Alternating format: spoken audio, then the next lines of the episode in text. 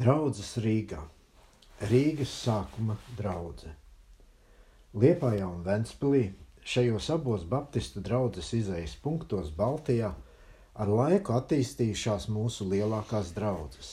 Tomēr ne Liepājas draudzes, nedz arī Ventspils draudze nav ieguvušas tādu nozīmi mūsu pārējo draugu vidū, kāda nomanāma pie Rīgas draudzes. Lai gan it visas mūsu draudzes, lielas vai mazas, pilsētās vai uz laukiem, ir pilnīgi viena no otras neatkarīgas un tā tad savās tiesībās vienlīdzīgas, tomēr nevarēs noliegt, ka neskatoties uz draugu vienādām tiesībām, viena vai otra draudzene iegūst lielāku svaru un nozīmi pārējo draugu vidū caur savu iespaidu. Šādu pārākumu jāatzīst Rīgas draudzēji Draugu vēsture rāda, ka ja Rīgas draudzē valdīs miers, saticība un rosīga darbība, tad arī pārējās draudzes dzīvojušas mierā. Turpretī nevienprātības un šķelšanās, kas notikušas Rīgā, bijušas stipri sajūtamas gandrīz vai visās mūsu dzimtenes draudzēs, pat attālāk, ja, attālākajās latviešu kolonijās. Šis iespējas izskaidrojams pa lielākai daļai caur to pārākuma stāvokli, kādu ieņem Rīga citu latviešu pilsētu vidū. Uz Rīgu Baptistu mācību pārnesta jau 60. gadu beigās no Liepājas un Ventspils. Pirmie baptisti, kas nometušies Rīgā uz dzīvi, bija kādi trīs locekļi iz Liepājas draudzes bet pirmais misionas strādnieks, kas Rīgā sabraukušos locekļus pamudināja kopā turēties un svētdienām pulcēties ap Dievu vārdu, bija Jānis Zirnieks no Ventspils draudzes. 1867. gada sākumā Zirnieks ienācis Rīgā darbu meklēt. Tādu atradis, tas vēlreiz atgriezies uz Ventspili, un tad tā paša gada 9. martā kopā ar savu laulātu draugu pārcēlies uz Rīgu. Sākumā zirnieks bijis tajās domās, ka tas ar savu sievu vienīgie starp Rīgas tūkstošiem, kas tā tic un atzīst kā viņi, bet drīz tas dabūjis pārliecināties, ka tā vis nav. Sākumā zirnieks apmeklējis Rīgas brāļu draugas sajiešanas vietu Kalēju ielā, iekšrīgā, Brāļa draudzes piekritēji tam bijuši pazīstami jau iz agrākiem laikiem, kad tas 1862. un 1863. gados kopā ar Jānu Jankovski caur Rīgu ceļojuši uz Pēterburgu, lai tur nodotu lūgumu uz visaugstāko vārdu dēļ toreiz apcietinātā ģertnera atsubināšanas. Jau tad abi brāļi bija atraduši laipnu uzņemšanu no Rīgas brāļu draugas locekļiem. Tagad atkal apmeklējot brāļu draugas sajiešanu, zirnieks no kāda hernhūtieša ukša dabūja zināt, kā arī viņa namā uz Nikolai ielas dzīvojot pāris baptistu. Aizgājis uz minēto namu, zirnieks tur atradis liepājas draugas locekļus, brāļ, brāļus Vili un Mārtiņu Šalbertus – un pēdējā laulātu draudzeni Elizabeti, dzimušu Hamburgeru, kas bija ienākuši Rīgā dažus mēnešus agrāk nekā zirnieks. Iepazinies ar pēdējiem, zirnieks arī pārgājis dzīvot Ukša namā. Tagad zirnieks ar saviem ticības biedriem norunājuši svētdienām turēt dievvvārdus, kurus bijis jāvada zirniekam. Uz dievvvārdiem pulcējušies arī sveši ļaudis – sevišķi no brāļu draudzes. Drīz vien mazais ticīgajo pulciņš pavairojies caur dažiem ieceļotājiem, vāciešiem iz Mēmeles un citām vietām. Šī mazā pulciņa garīgā darbība svētījusies, jo tā paša gada vasarā trīs no dievvvārdu apmeklētājiem - Matīs Šulcs, Kurcits un Dore Andersona, dzimusi Hansen, izsacījuši vēlēšanos caur kristību šim pulciņam piebiedroties. Visi pieminētie jau bija savās agrākās dzīves vietās nākuši sakarā ar draugu, bet tikai tagad pilnīgi nosvērās par patiesību. Jāņu dienā, 1867. gadā, Visi šie pieminētie tapuši kristīti Daugavā pie kādas saliņas Milgarāvja tūmā. Šo pirmo kristības darbu Rīgā izdarījis Gertners, kas kopā ar draunieku bija atbraukuši uz Rīgu garīgās apkopšanas ziņā, apmeklēt šeit uz dzīvi apmetušos draugus locekļus. Kristības atstājušas savādu iespaidu uz brāļu draugus piekritējiem. No tā laika tie palikuši jo atturīgi un sapulces apmeklējuši tikai par etam. Tomēr dievvvārdu klausītājus svētdienās nav trūcis. Radusies arī drīz vajadzība pēc īpašiem beņķiem priekš sapulces apmeklētājiem, un tā kā brāļi, draudzes locekļi vai it visi bija namdari, tad šai vajadzībai drīz ticis izlīdzēts, jo katrs brālis apņēmies pagatavot pa beņķim, ko arī izdarījis. Tajā pašā gadā uz Rīgu arī pārcēlies dzīvot brālis Meijers iz Liepājas. Tas pats, kas 1858. gadā no Mēmeles bija atnācis uz Liepāju un tur sācis strādāt starp Kandisa pamodinātiem ļaudīm. Līdz ar Meijera atnākšanu uz Rīgu sākušās arī īpašas sapulces vāciešiem, kuras vadījis jau pieminētais brālis Meijers. 1867. Gada, gadā sapulcēšanās vieta pārcelta uz Katrīnas dambi Buherta namā. Tur pulcējušies kādu pusgadu, un pēc tam sapulces pārcēluši uz kāda žīda namu Palisadu ielā, tagad Mateus jeb Matīsa ielā, starp Marijas un Avotu ielām. Arī šie sapulce nav pastāvējusi ilgi – bet vēl 1868. gadā pārvietota uz Vikmaņa nama jaunielā, tagad Marijas ielā, kur tā pastāvēja līdz 1870. gada 1. oktobrim. Uz Vikmaņa nama pārējo draudzes locekļi jau biju, bijuši skaitā ap 20. Pulcējoties Vikmaņa namā, draudzē apsākusi arī Jēlgavā misionas darbu, Bez svētdienas sapulcēm arī iekārtotas sapulces trešdienas vakaros. Šeit arī izcēlusies Rīgas draudzes jaunekļu biedrība. Tas noticis tā. Dažos jaunekļos radusies doma, ka vajadzīgs ievingrināties atklātā runāšanā, lai varētu strādāt misijas darbu Rīgā un apkārtnē, jo draudzītei bieži vien pienākuši no dažiem pamodinātiem lūgumi izsūtīt kādu brāli tos apmeklēt. Bet tā kā šāda mēģināšanās nav varējusi notikt atklātos dievvvārdos, tad norunājuši svētdienas pēcpusdienās sapulcēties par sevi, pie kam katram biedrim pareizai jāvada stunda un jāsaka savu biedru klātbūtnē iepriekš sacerēta runa.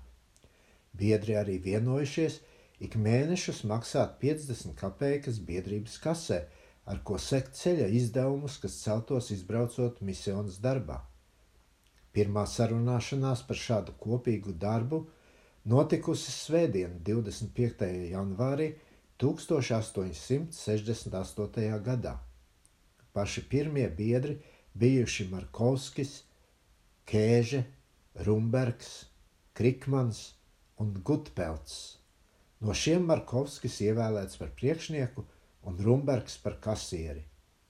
Pirmie biedri, kas uzņemti biedrībā no ārpus draudzes esošiem, bijuši Smildziņš un Burķevits. Drīz vien pēc biedrības nodibināšanas viens un otrs no tās locekļiem arī uzaicināti dažās svētdienās Rīgā vadīt pēcpusdienas sapulces. 1869. gada rudenī draudzes locekļu starpā radusies nesaskaņa. Daļa no locekļiem, skaitā 10 līdz 15, kas nebija mierā ar vadīšanu, kāda Valtera vadībā atdalījusies un nokārtojusi sapulces par sevi pārdaugavā. Sākumā šīs sapulcītes gan labi apmeklētas, bet tā kā pašiem vadītājiem trūcis vajadzīgās nopietnības, tad sapulcēs drīz vien virsroku ņēmusi vieglprātība. Nepagājis ne gads, ka sapulces pārdaugavā jau iznīkušas. Daži no turpu aizgājušiem locekļiem gan vēlāk nākuši atpakaļ draudzē, bet lielākā daļa pazudusi kā bez vēsts. Jāpiezīmē, ka atšķīrušies draunieka vadībā no draudzes izslēdza. pēc šķiršanās zirniekam par palīgiem pievēlēti Ērungs, vēlāk plaši pazīstams evaņģēlists un Markovskis. Tā kā draudzīte pastāvīgi vairojusies, tad radusies vajadzība pēc sludinātāja, kas būtu savam uzdevumam pienācīgi sagatavots. Mēmeles draugs sludinātājs Nīmets aizrādījis Rīgas brāļiem, sūtīt savu līdzšinējo sludinātāju zirnieku uz vienu gadu misijas skolā Hamburgā un pa prombūšanas laiku gādāt par zirnieka piedarīgiem. Ka zirniekam ir bijusi sirds priekš misijas darba, to pašā sākumā Nīmets novērojis tad, kad zirnieks 1861. gada maijā bija aizbraucis no Užavas uz Mēmelē saņemt kristību jo mēmeles kristīto rullī pie šī brāļa vārda taisīta šāda ori, oriģinēla atzīme. Neigung zum Missionsdienst, kann Deutsch lesen un schreiben. Tieksme uz misijas darbu, proti, vāciski lasīt un rakstīt. Jāpiezīmē, ka zirnieks ir ziru hamburģeras skolēns un vēlāk viņa palīgs amatā. Draudze arī bija gatava paklausīt aizrādījumam, bet, prieks, bet prūšu franču karš, kas izcēlās 1870. gadā, uz laiku arī pārtrauca Hamburgas misijas skolas gaitu un līdz ar to arī galīgi izjauca šo plānu. 1870. gada rudenī 1. oktobrī sapulces telpas tika pārceltas uz Rauta namu kalēju, tagad ģertrūdas ielā kur priekš sapulces telpām un draudzes rēķina tapis pārtaisīts kāds lielāks dzīvoklis un vēlāk pat izdarīta kāda piebūve. Šajā vietā draudzene palika līdz kamēr tā sev 1878. gadā uzcēla īpašu lūkšanas namu Suvorova, tagadējā Krišjāna Barona ielā. 1871. gada pavasarī Zirnieks pats atstājās no sludinātāja amata, un draudzene ievēlēja sešus brāļus, kuriem bija jāpārzina draudzes darīšanas, kā arī jāgādā par sapulcēm. Šajā laikā sludinājuši vairāki brāļi, līdz kamēr 1872. gada 11.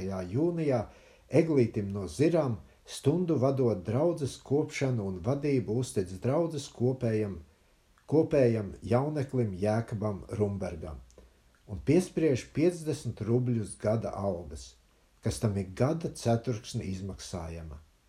Kad Rumbergs 1873. gadā rudenī aizceļoja uz misijas skolu Hamburgā, tad viņa vietu draudzē pa prombūšanas laiku izpildīja draudzes kopējs Andrejs Fetlers biedrībā ar Markovski. 1874. gadā draudzē apsākta Svētdienas skola. Šīs dar darbības apsācējs bija zirnieks. Par Svētdienas skolas darbību tas lasījis kādā no vācu misijas laikrakstiem, un tad mēģinājis šo darbu, darbību arī ievest Rīgas draudzē. Tomēr šim darbam arī bijuši šķēršļi jāpārvar. Vietējais skolu inspektors dabūjis zināt, ka zirnieks svētdienām pulcina bērnus un tos māca, uzskatījis to par neatļautu darbu un nodevis zirnieku tiesai, kura, kura tam piespriedusi 25 rubļus soda naudas. Vēlāk šī lieta nodota advokātam, kas spriedumu pārsūdzējis, caur ko sods gan atcelts, bet izdevumi advokātam bijuši tikpat lieli kā piespriestais sots. Arī pats darbas darbs Svētdienas skolā negribējis lāga veikties, jo pašam skolotājam bija šis darbs gluži svešs. Te gluži negaidīti zirnieks iepazinies ar kādu labu Svētdienas skolas pratēju, kas zirniekam devis dažu vērtīgu aizrādījumu.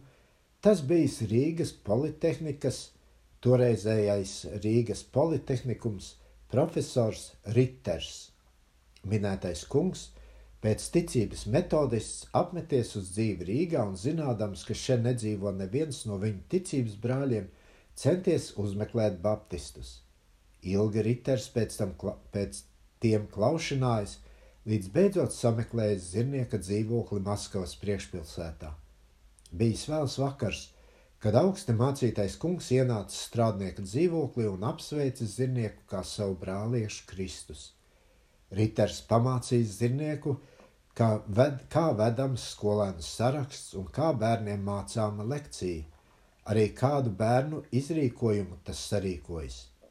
Sevišķi no svara Riters bijis vācu baptistu pulciņam, kuri pēc Meijera nāves bija palikuši bez apkopēja. Pēdējam Viņš vairākus gadus no vietas ik pārsvētdienas turējis dievvvārdus.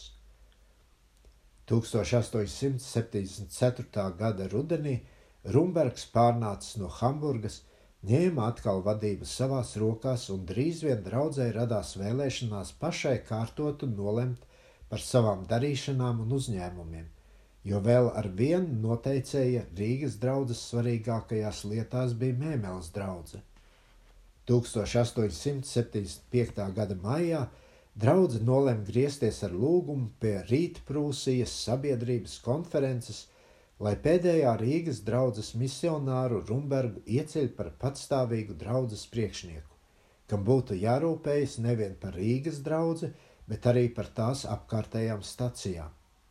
Nākošā 1876. gada pavasarī Mēmeles draugs sludinātājs Gilcaus, apceļodams kurzemi, arī apmeklējis Rīgu 28. martā un šeit nodibināja pirmo patstāvīgo draugu Baltijā, un Rumbergu caur ordināciju iecēla par tās priekšnieku.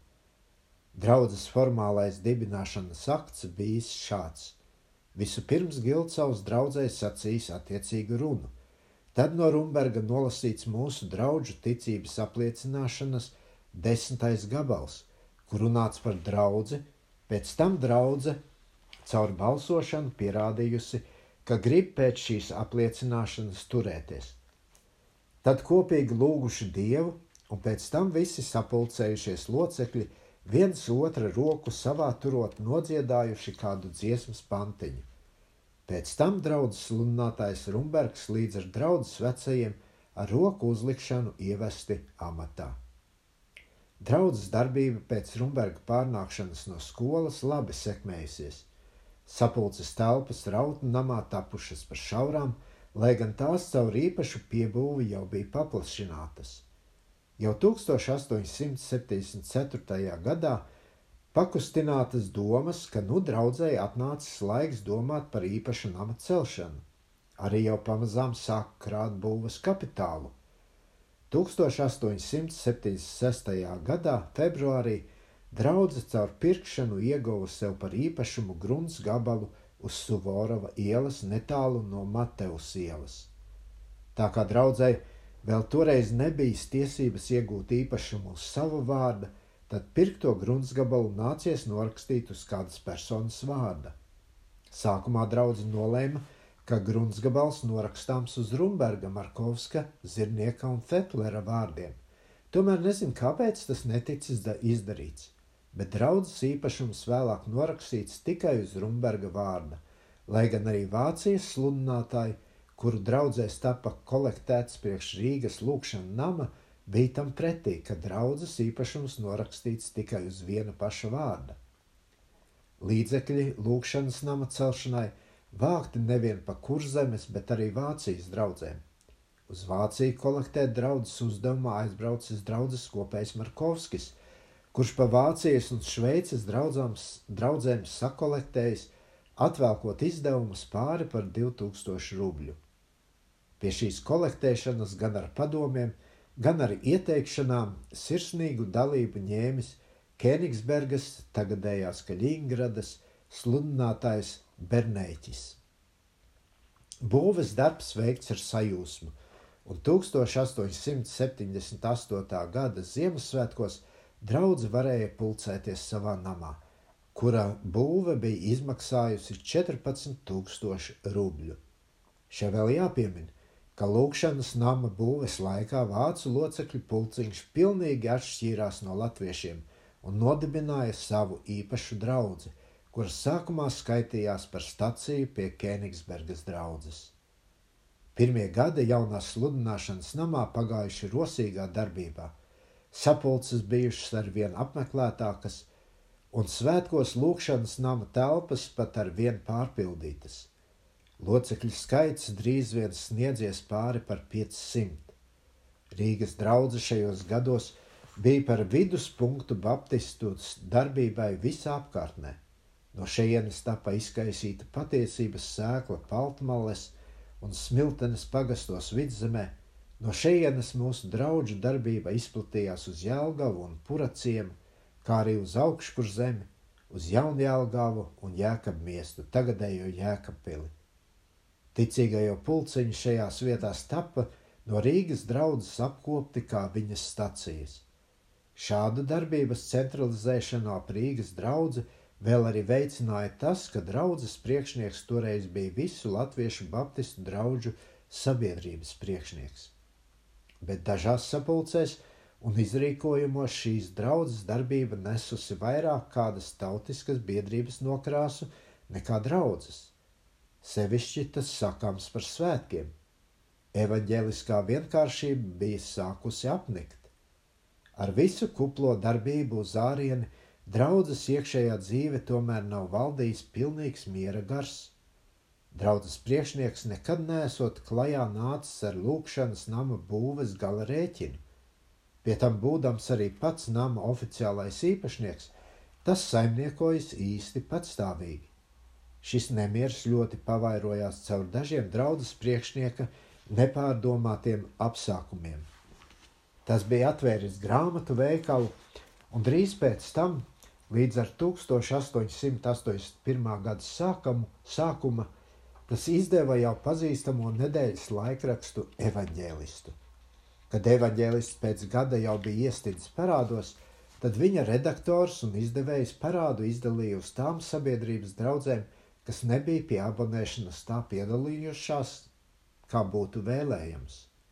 Uz šādu rīcību Rumbergam bija atļauja devusi 1882. gadā Veldā noturētā priekšnieku sapulce.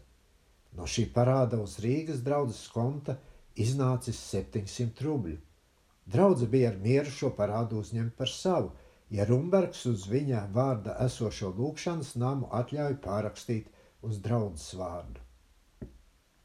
Tajā pašā 1882. gadā Rumbergs, lai izceltu evaņģēlistu iz parādiem, bija sadomājis pirkt drukātavu evaņģēlista drukāšanai, jo tad evaņģēlists atnesīšot peļņu un nolīdzināšot savus parādus, un visām draudzēm izsūtīja uzaicinājumus piedalīties pie, šī pirkšana, pie šīs pirkšanas ar vienu rubli no katra locekļa. Kad Rumbergs ar šo priekšlikumu nāca Rīgas draudzēji priekšā, tad draudze tam nepiekrita, teikdama, ka parāds ar parādu nav dzēšams bet neliedza arī nevienam loceklim, kas piekrītot drukātavas pirkšanai, personīgi ar saviem līdzekļiem tur piedalīties. 1882. gada 3. oktobrī Rumbergs paziņoja draudzēji, ka uz priekšu viņš grib vairāk nodoties sabiedrības darbam, un viņas labā pat drīzumā izceļos uz ārzemēm, lai tāpēc draudzē apskatās pēc citas sludinātāja. Draudze arī bija ar mieru un sazinājusies ar sabiedrības komiteju 1883. gadā, 17.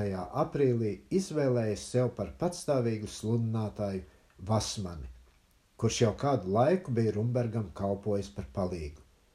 Rumbergs pārgāja dzīvot no Rīgas uz Pārdaugavu, jo tur arī bija viņa drukātava un sāka krāt draudzi iz tur dzīvojošiem locekļiem. Jāpiezīmē, ka pārdaugovā dzīvojošie locekļi jau agrāk bija pulcējušies par sevi, noturējuši sapulces, bet tomēr visi bija locekļi pie Rīgas draudzes.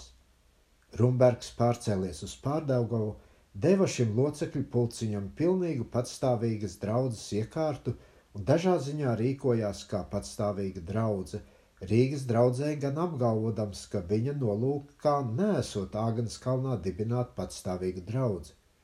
Tomēr, kad Rīgas draugs iesniedza gubernatoram lūgumu rakstu, lai Rumberga vietā, kas savu amatu draudzē nolicis, tai apstiprinātu par priekšnieku Vasmani, tad gandrīz vienā laikā ar to gubernatoram no Rumberga iesniegts raksts, kurā sacīts, ka viņš, Rumbergs, savu mācītāju amatu pārcēlis uz Pārdaugavu un Rīgas Suvorova ielas draudzes darīšanas atstājis saviem palīgiem Eihmanim un Ērungam.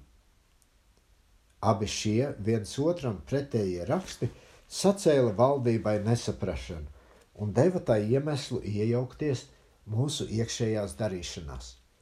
Tā uzdeva vietējam pristavam, tolaik kvartāla oficierim, ierasties draudzes stundā, lai izzinātu lietas pareizo stāvokli. Bez tam vēl draudzes vecajiem bieži vien nākušas zēlošanās, ka Rumbergs nelīdzinot saviem aizdevējiem parādus.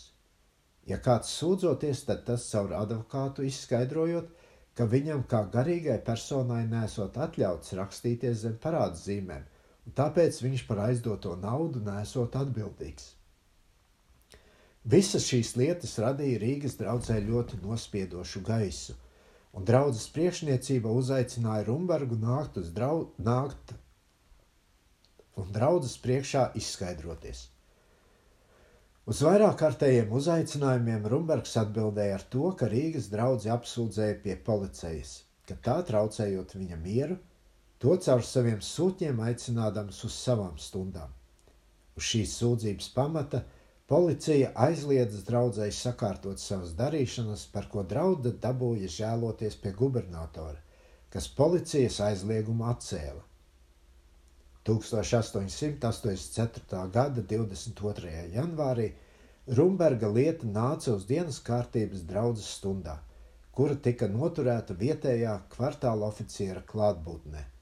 Lai gan Rumbergs pats nebija uz stundu ieradies, tomēr viņa lieta nāca priekšā. Draudze, apskatījusi Rumberga apsūdzību, to ar 288 pret 22 balsīm, kas bija priekš tam, lai lieta taptu atlikta, no draudzes izslēdza. Pēc kādas pusstundas arī ieradies pats Rumbergs, bet bijis jau par vēlu. Šī izslēgšana sacēla vai visās latviešu baptistu draugzēs lielu apjukumu, tādēļ, ka izslēgtais draudzes vadonis bija vēl ar vienu joprojām Āgnes kalna draudzes priekšnieks un visas sabiedrības priekšnieks. Visi gaidīja uz priekšstāvošo konferenci kurai, kurā šai lietai arī bija jānāk uz dienas kārtību. Konference, kura notikās tā paša gada vasarā Dinamindē, attaisnoja Rumberga rīcību, izņemot trīs gadījumus, bet Rīgas draugi nolēma uzskatīt par izslēgtu no sabiedrības, ja, ja tā nepadodas šādiem noteikumiem. Pirmais, ka Rīgas Baptistu draugas daļai Suvorova ielā pēc baptistu ticības jāatzīst Vasmans līdz par izslēgtu un jāatlaiž tūdaļ no amata. Otrais, ka viņai jāatzīst un jāņem atpakaļ visas savas pārskatīšanās un nepareizās izdarīšanas. Un trešais, ka Rīgas Latviešu Baptistu draugas daļai Suvorova ielā jāatvēl par Rumberga protokoli viņa un piecu koncila gada sapulces aizstāvi klātbūšanā pārspriest, kur visiem latviešu baptistiem, kas vien Rīgā dzīvo, ir tiesības līdzi spriest, balsot un runāt. Draudzēji tapa no konferences dot četras dienas ilgs termiņš, kurā bija izšķirties pieņemt vai nepieņemt šos noteikumus. Bet pats spriedums tai tapa zināms tikai pēc piecām dienām kad sprieduma izvilkums iz konferences protokoliem parādījās drukāts. Šeit jāatzīmē, ka Rīgas draudzes sūtņi līdz ar dažiem citiem minēto konferenci jau pēc pirmām sēdēm bija atstājuši. Tajā pašā gadā, 18. jūnijā, uz Rīgas draudzes uzaicinājumu sapulcējās dažu sabiedrības draugu priekšnieku un vietējās draudzes izvēlētie skaitā 54, kuri vēlreiz ņēmās pārunāt Dinamindas konferences spriedumus. Starp citu, šai sapulcē pārsprieda Rīgas draudzes acu mirklīgo stāvokli sabiedrībā, kā arī Dinamindas konferences lēmumus, zīmējoties uz Rīgas draugu un atrada tos par nepareiziem. Tajās pašās sēdēs arī sastādīja atspēkošanas rakstu pret apvainojumiem – kurus bija Dinamindas konference cēlusi pret Rīgas draugu. Šī raksta kopijas tika piesūtītas draudzēm, kas to vēlējās. Draudzes kuģītis no mierīgiem ūdeņiem bija iegājis vētru joslā, un līdz ar viņu šajā vētrā bija ierauta arī visa sabiedrība. Tā kā Rīgas draudzē atradās sabiedrības priekšgalā. Nesaskaņas Rīgas draudzē un sabiedrībā drīz vien nāca ausīs Vācijas Baptistu draugu sabiedrības savienībai, Bundei, pie kuras arī latviešu sabiedrības skaitījās par locekli, un pēdējā 1884. gada septembrī uz Rīgu atsūtīja trīs sludinātājus - Bernēķi, Hinski un Gilcavu, kuriem latviešu lietas jau no agrākiem laikiem bija labi pazīstamas – lai raugās šeit nodibināt mieru. Minētie brāļi mēģināja Rīgas draugus salīdzināt ar viņas citreizējo priekšnieku Rumbergu. Draudze bija ar mieru ar Rumbergu izlīdzināties, ja tas no savas puses labo to, kas vēl ļaujas. Atsauc savu vārdu no Jaunjēlgavas, Jēlgavas un visām citām Rīgas draudzes stacijām, kurās vēl tas oficiāli skaitās par priekšnieku. Beidz ļaudīs izplatīt dinamindas koncila protokolu izvilkumus, kuros viss nav tā uzrakstīts, kā spriests, un lai atsauc pie tiesas tās prāvas, kuras tas pret brāļiem uzsaucas. Vācu brāļu klātbūtnē Rumbergs apsolīja to darīt, bet vēlāk par apsolījumu netika, bet tālāk par apsolījumu netika. Un tā Rīgas draudzes izlīdzināšanās ar savu agrāko vadoni nenotikās. Tomēr arī sava jaunā priekšnieka Vasmaņa vadībā Rīgas draudzene nepieredzēja labas dienas. Ar savu veiklo valodu Vasmanis pratis aizraut savus klausītājus, bet dzīve tam bieži atšķīrās no vārdiem. Jau priekš Vasmaņa pārcelšanās uz Rīgu par palīga sludinātāju bija dzirdamas dažādas nelabas valodas. Tomēr tās tapa drīz apklusinātas un izskaidrotas par nepamatotām. Pēc neilga laika Vasmanis caur savu vieglprātīgu un piedaudzīgu izturēšanos deva iemeslu domāt, ka viņa pagātne tomēr nav tāda, par kādu tā izskaidrota. Vecās lietas tāpat atkal uzjauktas, un draudzene bija spiesta tās no jauna pārmeklēt, pie kam izrādījās, ka reiz apklusinātām valodām par pamatu tomēr bijusi patiesība. Ievērojot to, ka Vasmanis atradās draudzes izmeklēšanā, Draudzes tekošās darīšanas, kā arī draudzes locekļu sapulces tapa uzticētas vadīt draudzes kopējam Dunbergam.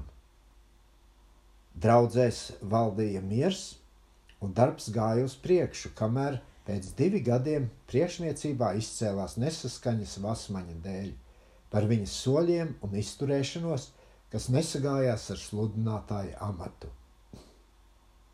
Īpaši Iedošanās laulībā, kas šī laikā notika, radīja dažas neglītas puses viņa raksturā. Priekšniecība un daļa draudzes vēlējās viņa aiziešanu miera ceļā, tomēr Vasmanis satvēra draudzes vadīšanu savās rokās, neprasīdams draudzes vēlēšanos, bet atspiesdamies uz savu apstiprināšanu. Viņš kādā labā reizē draudzes stundas vadītājam Dunbergam vienkārši pateicis, lai atstājas no galda un ieņēmis tā vietu. Vasmanim ar draudzes vadīšanu it kā nekā neveicās. Viņa patvarība sacēla draudzes lielumu lielu vairumu pret viņu. Pat nelīdzēja vairs viņa dedzīgie sprediķi, ar kādiem tas prata uz sapulcēto jūtām īpaši pie sievietēm iespaidu darīt. Viņa vadītās draudzes stundas apraka visu svētību, un sacēla tādas jūtas, ka beidzot draudzene pati viņam aiz galda esot pieņēma izskaidrojumu, ka viņš no draudzes izslēdzams. Vasmanis pēc šāda notikuma vis neatkāpās no draudzes vadīšanas, nedz meklēja izlīgt, bet pamatodamies uz savu piekritēju pulciņu turpināja saimniekošanu. Draudzes stundā tas ieveda policijas ierēģus un to klātbūtnē izskaidroja draudzēji, ka vienīgi viņam, kā valdības apstiprinātam draudzes priekšniekam, tiesība vadīt draudzes sapulces. Vasmanim pretī nostājušies locekļi, kuri iztaisīja draudzes lielāko pusi, palika uz laiku nogaidošā stāvoklī. Tie gan vēl apmeklēja dievvvārdus un draudzes stundas, bet atturējās no kopīgas vakariņu baudīšanas ar saviem pretiniekiem. Draudzes saimniecība tagad pilnam atradās Vasmaņa un tā nedaudzo draugu rokās un gāja lieliem soļiem uz leju. Draudzes kasē drīz iestājās naudas trūkums, tā kā nevarēja Vasmanim vairs izmaksāt algu, ne arī izdarīt draudzes tekošās maksāšanas, un palika hipotēkai parādā. Lai kļūtu pie naudas, Vasmanis, būdams pēc tiesībām vēl ar vienu draudzes priekšnieks un līdz ar to viņa, viņas mantas pārvaldītājs saziņā ar dažiem saviem tuvākiem draugiem, izņēma no kādas Krievu naudas iestādes lielāku summu naudas pret obligāciju, kas bija izgatavota uz draudzes namu. Neapmierinātā daļa pie kuras piederēja arī tie locekļi, kas visvairāk bija ņēmuši, dalību ņēmuši pie draudzes nama celšanas, redzēdama, ka draudzes īpašums tiek pret draudzes gribu ar lieliem parādiem apgrūtināts, stājās šādai rīcībai ceļā un žēlojās valdībai, ka Vasmanis pret draudzes gribu apgrūtina tās īpašumu parādiem. Iesākās gara prāvas gaita starp draugu un Vasmani Valdība, nevarēdama izprast lietas īsto stāvokli, lika Vasmanim sasaukt pilnu draudzes locekļu sapulci, kurai kādā ierēģņa, kāda ierēģņa klātbūtnē bija jādod atbilde, vai tā atzīst Vasmani par savu priekšnieku vai nē, un vai tā viņu pilnvarojusi taisīt aizņēmumus uz draudzes īpašumu vai nē. Tā kā šajā sapulcē Vasmanis un tā biedri – nepielaida nevienu no saviem pretiniekiem, bet saicināja tikai savus draugus un pazīstamus, no kuriem lielākais daudzums pat nebija Baptistu draugas locekļi, tad sapul šis sapulcinātais ļaužu bars arī darīja visu tā, kā tas bija Vasmanim un tā biedriem paprātam. Vienbalsīgi tas atzina Vasmani par draudzes priekšnieku un ka tas no viņiem pilnvarots taisīt aizņēmumu uz draudzes īpašumu. Īstā draudzene, kura bija vēl cerējusi paglābt savu īpašumu, redzēdama, ka lietas ņem tādu virzienu un ka viss iet uz postu, atstāja savu sapulces namu pilnām vasmaņa un tā biedru rīcībā, un pati skaitā ap 400 locekļi uzsāka draudzes darbību par jaunu sapulces telpās Smir Smirnova namā uz uh, Katrīnas otrā dambja, otrās dambja. Šo vietu Rīgas draudzē jau kopš vairākiem gadiem bija apstiprinājusi uz sludinātāja Ērunga vārdu, lai būtu tiesības noturēt dievvvārdus ap Katrīnas dambi dzīvojošiem locekļiem. Basmanis līdz ar saviem piekritējiem, skaitā 50, turpināja vēl dažus gadus pulcēties Suvorova ielas lūkšanas namā – bet tā kā sapulcēm nebija apmeklētāju, tad Vasmanis ielaidās ar dažādiem apkārt klejotājiem, sprediķotājiem, kuriem bieži vien nebija nekāda cita mērķa kā savu klausītāju izmantošana. Šajos pāris gados Suvorova ielas lūkšanas namā tapa daudz kas darīts, kas Baptistu vārdam un labai slavai Rīgā krāvu virsū vienu negodu traipu aiz otra – un deva vielas vietējiem dienas laikrakstiem rakstīt par vienmēr jauniem trokšņiem Baptistu lūkšanas namā. Trokšņi un nekārtības arī beidzot spieda valdību aizliegt šajā namā sapulces. Arī parāda nasta uz nama beidzot tapa tik grūta, ka Vasmanis līdz ar saviem biedriem vairs nespēja kārtīgi ieturēt maksājumus, un citreizējais Rīgas Baptistu draudzes lūkšanas nams nāca sveša īpašnieka rokās. Tā izbeidza savu gaitu Rīgas sākuma draudzē, jeb kā to arī mēdzas saukt, Rīgas Suvorova ielas draudzē. Bet paldies Dievam, kas deva spēju draudzes lielākajai daļai, neskatoties uz materiāliem zaudējumiem, atstāt sapulces vietu, uzņemoties pēc tam vēl daļu no sava zaudētā nama parādiem un iesākt savu darbību gluži no jauna.